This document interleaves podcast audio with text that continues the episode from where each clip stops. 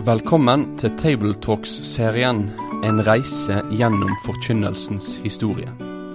Programmet er utarbeidet av Egil Sjåstad i samarbeid med Asbjørn Kvalbein og Sunniva Fuglestveit, og vært publisert av den kristne ressurssida foross.no.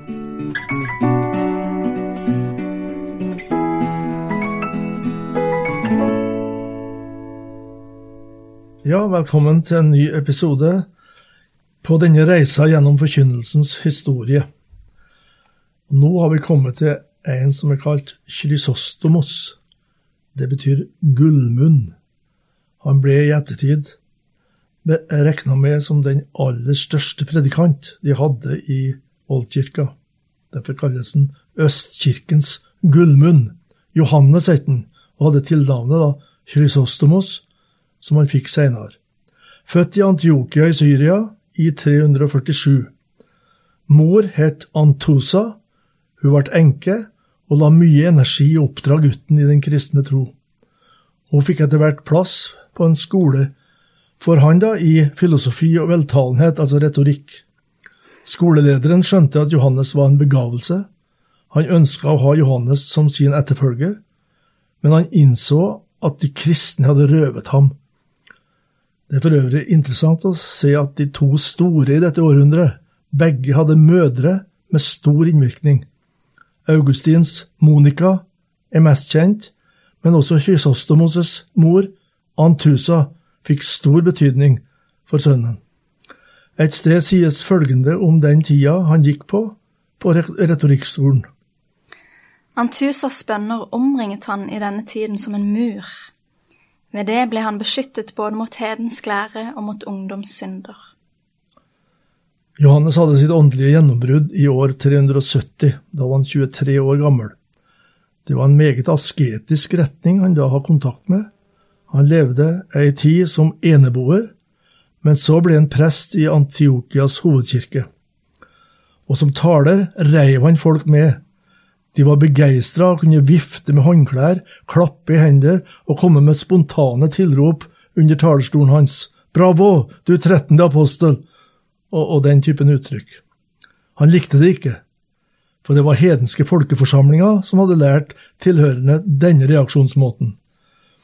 En gang gikk han i rette med denne uskikken, og han gjorde det på en så kraftfull måte at innlegget virka helt mot sin hensikt. Det skapte høylytt respons og klapping. Episoden viser hvor sterkt retorikken prega folk i samtida. Å være en god folketaler var noe av det høyeste de visste om. Kulturen var prega av retorikken både i selskapsliv, rettssaler og i skoler. I 387 reagerte folket i Antiokia kraftig imot et påbud fra keiseren i Konstantinopel. Han ville øke skattene. Til slutt så velta de billedstøttene av keiseren og billedstøtter av hans familiemedlemmer.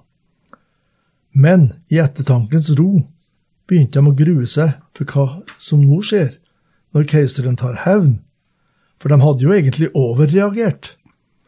Biskopen i byen dro til Konstantinopel for å be om nåde, og han oppnådde faktisk keiserens tilgivelse. Forkynnelsen var i samtida i stor grad biskopens sak, men biskopen dro til keiseren med dette vanskelige oppdraget, og da overlot han forkynnelsen i Antiokia til Johannes Krysostomos. Og han Johannes holdt da de 21 prekener om statuene, altså om de billedstøttene de hadde rasert.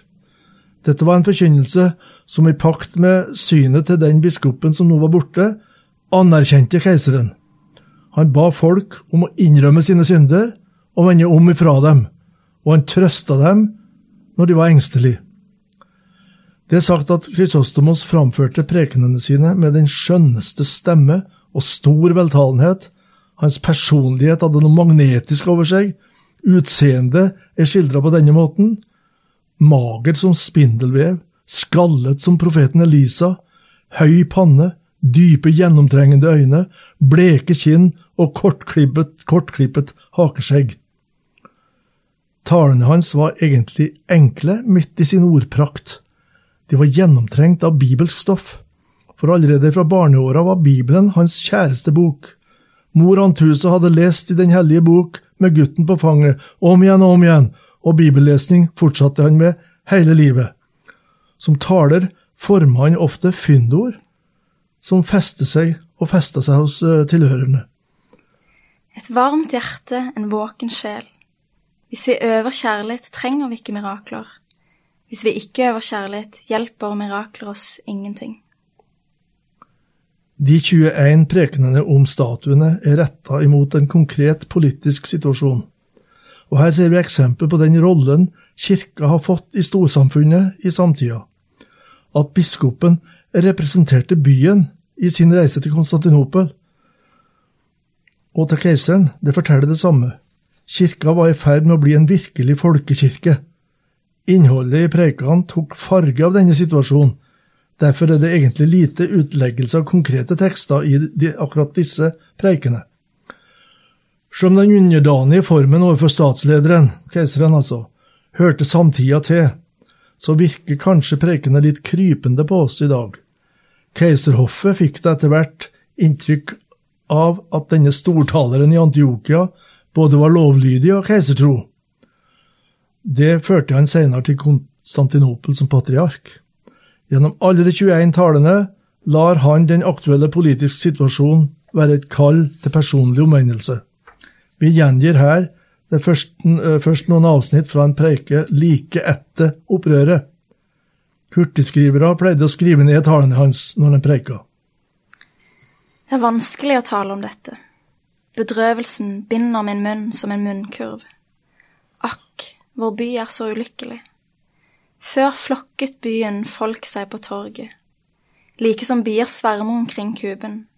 Nå er kuben blitt tom. Alle flykter fra sitt fødested som om de skulle være brann i det. Her er flukt uten fiende, utvandring uten slag.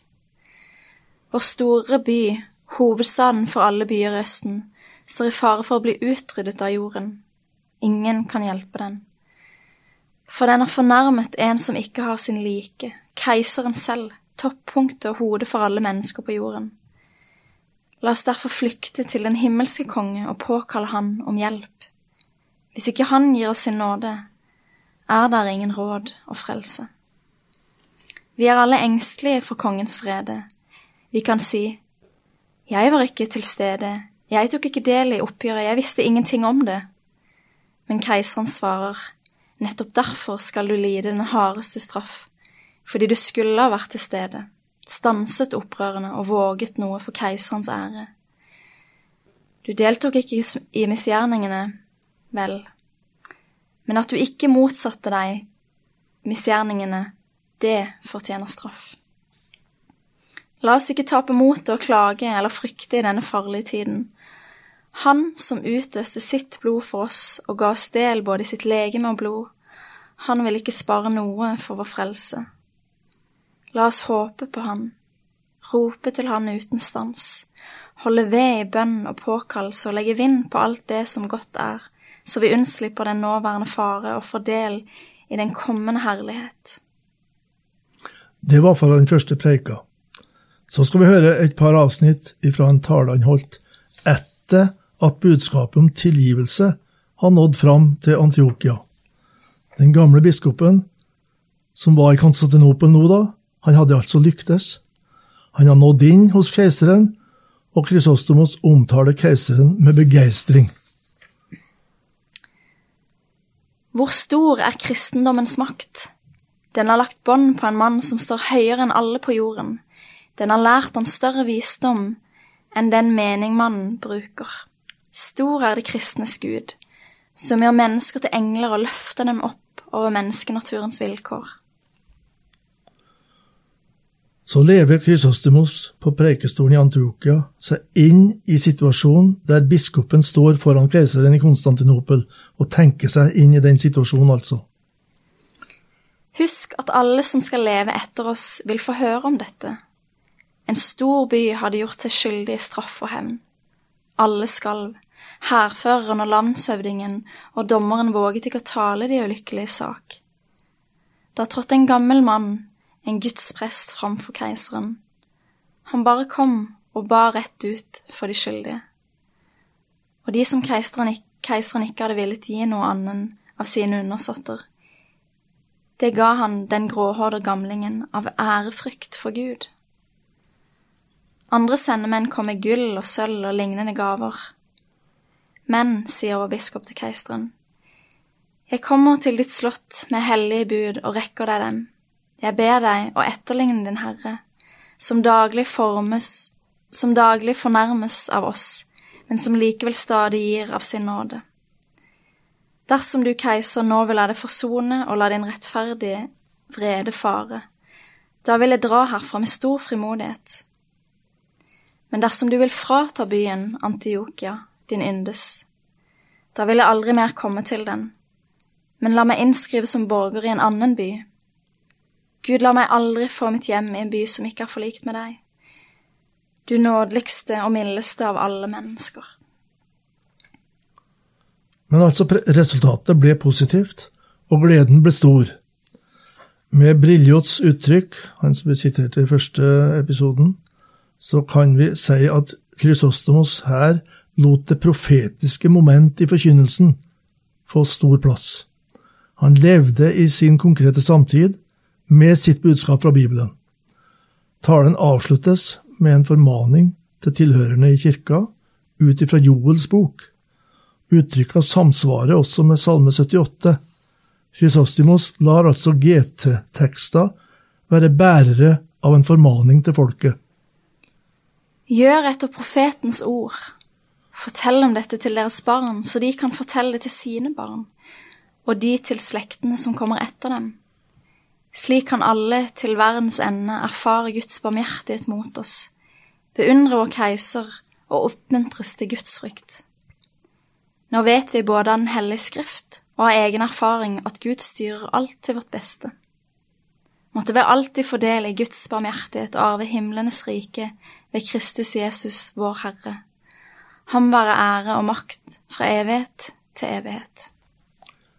Denne oppfordringen til de troende om å gi akt på Guds barmhjertighet, sånn som den nå har nådd dem via keiserens tilgivelse, den kan selvsagt tolkes som uttrykk for en servil holdning til den verslige øvrighet. Men Krysostomos sitt livsløp er ikke noe eksempel på en slik holdning. Han har svært liten lyst til å bli patriark i storbyen Konstantinopel, og da han var blitt det, så levde han åpent i strid med hofflivets overdådige liv. Hans asketiske livsførsel fra ungdomsåra fulgte med og ble en indirekte dom over forfengeligheten i storbyen. Han gikk til denne patriarkgjerningen i Konstantinopel med stort alvor, rydda opp i misforhold og umoral blant prestene, han kunne bruke sterke ord imot keiseren så vel som imot keiserinnen Evdoksia. Han sa om henne hun er malt og pyntet som en egyptisk avgud. Og det sa han altså på prekestolen. Ordets makt var stort i hovedstaden, retorikken var anerkjent, de kunne ikke bare avsette denne patriarken uten videre. Men så fikk da keiserinna biskopen i Egypts Alexandria til å anklage Rysastimos for kjetteri, fråtseri, blasfemi osv. Et kirkemøte fikk han derfor dømt til eksil. Likheten med noen av de gammeltestamentlige profetiske skjebnene er påtagelig. Så førte et jordskjelv til at keiserinna midlertidig forandra seg, og nå ba hun Krysostimos inderlig om å komme tilbake. Men hennes sinnsforandring stakk likevel ikke dypt. Hun fikk laga en sølvstatue av seg sjøl og innvia den med en vill fest, og da ropte Krysostimos ut i ei preike.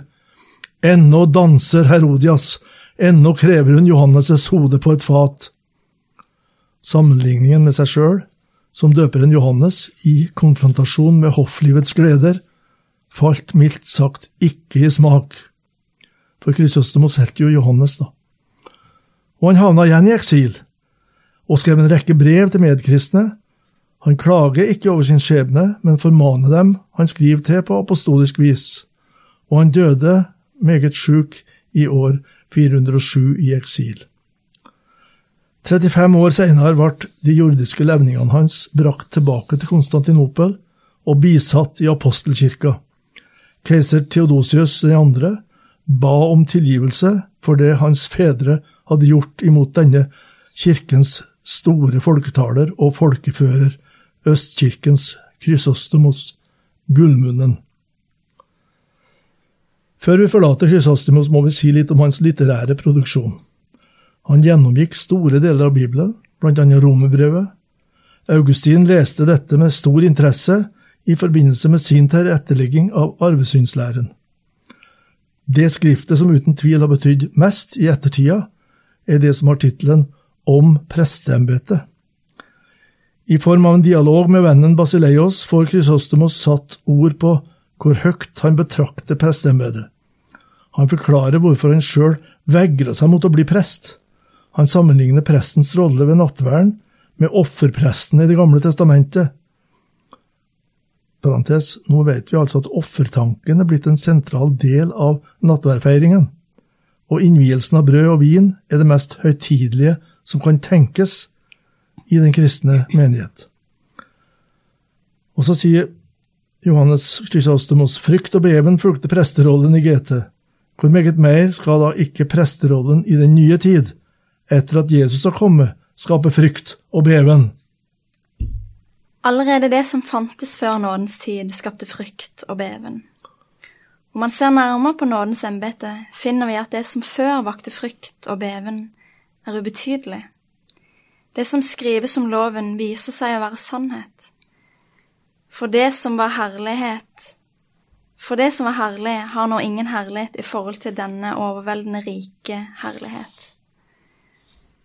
Når du ser Herren, lig du ser Herren ligger ofret, og presten står ved offeret og ber, og alle blir stenket med det dyre blodet, kan du da tro at du fremdeles er blant mennesker og her på jorden? Er du ikke straks plassert i de himmelske, og etter å ha drevet ut alt kjødelig sinn, skuer du ikke da det himmelske med en blottet sjel og et rent sinn? Å, hvilket under, Å, hvilken godhet Gud gir! Han som sitter hos Faderen, holdes i denne stund i alles hender og gir seg selv til dem som vil røre ved ham og gripe ham.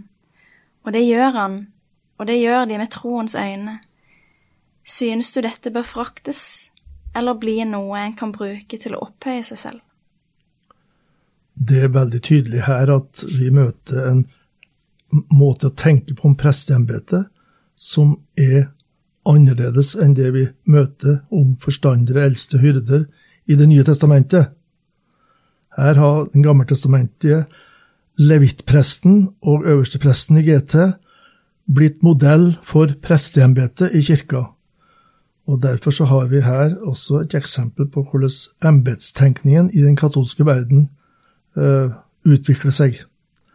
Det er ikke noe poeng i vår gjennomgang av forkynnelsens historie, men vi ser det her som et lite eksempel i hans bok om presteembetet. Og det var det vi hadde i denne episoden. Takk for at du har vært med på denne reisa gjennom forkynnelsens historie. Vil du lese mer om temaet? Da kan du kontakte oss på postalfakrøllfoross.no for å bestille denne serien i bokform.